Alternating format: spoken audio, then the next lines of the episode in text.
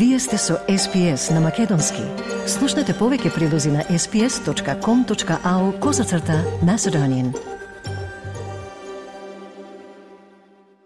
Слушате Избес радио програма на македонски јазик. Денес со вас е Васе Коцев. Извештајот од Македонија за четврток 17 ноември го подготви Милчо Јовановски известува на повеќе теми, меѓу кои и за тоа дека француската државна секретарка Бун во Скопје изјави, цитирам, 2030 година е амбициозна, но не е нереална за членство на Македонија во Европската Унија.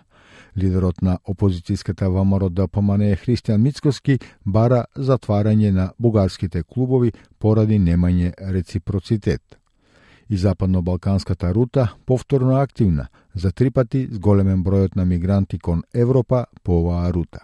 За ова и за другите настани, пообширно во извештајот од нашиот соработник Милчо Јовановски. SBS. SBS. SBS. SBS. SBS. SBS. SBS Radio. Француската државна секретарка за Европа Лоранс Бун оценува дека 2030 година е амбициозна, но не е нереална цел за членство на Македонија во Европската Унија годината која македонската влада ја постави како неформален рок за завршување на преговорите и полноправно членство во ЕУ. За Франција пак компромисот меѓу Македонија и Бугарија е завршена работа. На пресконференцијата во Скопје Бун рече дека Македонија напредува доста во согласувањето со европското законодавство, но побара европскиот пат да се изоди до крај, алудирајќи на измените на уставот кои се услов за Македонија да почне преговори со Унијата. Ја спомнавте годината 2030, која што е амбициозна, но не е нереална, затоа што видовме дека Северна Македонија напредува доста во поглед на усогласувањето на европското законодавство и премиерот спомна исто така дека постои нели наредниот чекор, уставните измени. Бун имаше средба со председател на државата Тево Пендаровски и со премиерот Димитар Ковачевски. А премиерот Димитар Ковачевски во искош ги стави бугарските политичари и македонската опозиција, обвинувајќи дека даваат поддршка за бугарските клубови со имења на личности од третиот рајх, како што е клубот Ванчо Михајлов во Битола. Председателот на македонската опозиција јасно кажа дека тој е континуитет на Ванчо Михајлов, кој што Ванчо Михајлов е докажан соработник на третиот рајх и на лидерите на третиот рајх. И сметам дека дури и отварањето сигурно имало некаква подршка во рамките на македонската опозиција. Лидерот на опозицијата Христијан Митковски со одговор дека сите бугарски клубови во Македонија без оглед какви имења носат треба да се затворат, се додека нема реципроцитет од страната на Софија. Во спротивно, ваквите клубови се чиста провокација, вели тој. Што се однесува до ликот на Ванчо Михајлов, Мицковски појасни дека во историска смисла тој бил председател на ВМРО, но се огради од неговото фашистичко минато. Се оградувам од тој период кога тој делувал спротивно на интересите на македонскиот на македонскиот народ и на македонскиот идентитет и и тој дел од неговото функционирање не само што не го оправдувам, туку сум сум згрозен.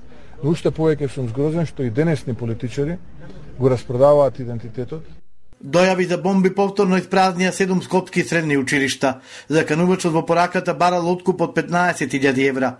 Во спротивно ќе експлодираат бомби кои нема да направа штета, ама ќе има многу жртви, стои во мејлот.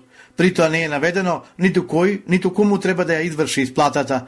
Веднаш по пријавите учениците биле евакуирани, а полицијата со антитерористички проверки утврдила дека сите дојави се лажни. Оно што засега е познато е дека заканувачките пораки се испраќани од идентични имейл адреси од странство. Министерот за внатрешни Оливер Спасовски очекува брза разрешница на овој случај која потресува јавноста. Институциите максимално се посветени во овој дел и јас очекувам многу скоро, значи, говорам многу скоро, на многу кратко време да имаме реализација во откривање на еден од сторителите. Истрагата е многу комплексна, не зашто учествуваат многу оддели од МВР, туку е сложена, зашто ги утврдуваме IP адресите, вели министерот за внатрешни работи Оливер Спасовски, за дојавите за бомби во скопските училишта. Тој за ТВ24 изборуваше нова тема и рече, цитирам, се праќаат од надбор Хрватска, Швајцарија, се креираат виртуелни мејлови. Сите интернет провайдери кои може да воспостават ваква конекција, мора да дадат одговор и тие ги проследуваме до секторот за тероризам, рече Спасовски. Наставата низ училиштата во Скопје се прекинува веќе осми ден, а од Министерството за образование и наука веќе побара училиштата самите да најдат начин како ќе ги надополнат изгубените часови. Земите Западен Балкан останува најатрактивни за бегалците, со околу 130.000 нелегални преминувања од почетокот на годинава. Овој регион повторно се најде на врвот на листата на Фронтекс. Во месец октомври имало 22.000 илегални преминувања, што е за три пати повеќе од минатата година. Мигрантите најчесто се од Сирија, Афганистан и Турција, а високиот број на илегални гранични преминувања се припишува на повторените обиди на мигрантите да ги поминат границите во овој регион. Само во Македонија во последните две недели МВР откри седум криумчари кои се обиделе да превезат 45 мигранти од Сирија, Афганистан, Индија и Куба. Мигрантите во нашата земја, министерот за внатрешни работи ги припишува на актуелните воени и политичко-безбедносни кризи на Блискиот и Средниот исток, како и неповолната економска и социјална состојба во нивните матични земји. По подпишувањето на договорот со Фронтекс, МВР очекува ефикасна борба со илегалната миграција. Собранието го изгласа предлог законот за изменување на законот за субвенционирање на студентски оброк да се носи по скратена постапка. На 91-та седница предлогот беше успоен со 54 гласови и собранието ги задолжи Комисијата за финансирање и буџет како матично работно тело и законодавно правната комисија да расправаат по предлогот. Предходно измените на законот за студентски оброк, предложени од опозицијата не добија зелено светло да се носат по скратена постапка. Предлогот на ВМРО ДПМН беше износот од 120 да се зголеми на 160 денари, рече пратеникот Бујан Стојановски. Уште еднаш покажаа дека не се грижат за студентите и дека оној така наречен договор од предвадена беше само театар и пиер обид на власта за ќерување на ефтини политички поени. Откако мнозинството не ги поддржа измените на опозицијата, предложи преодно решение исплатата на студентскиот оброк да биде како досега, но да важи до март идната година, а за потоа најавува нов закон. Пратеничката Жаклина Лазареска од СДСМ, одговорницата изјави. Предлагаме измена само на членот 11 ставот 1 и 2.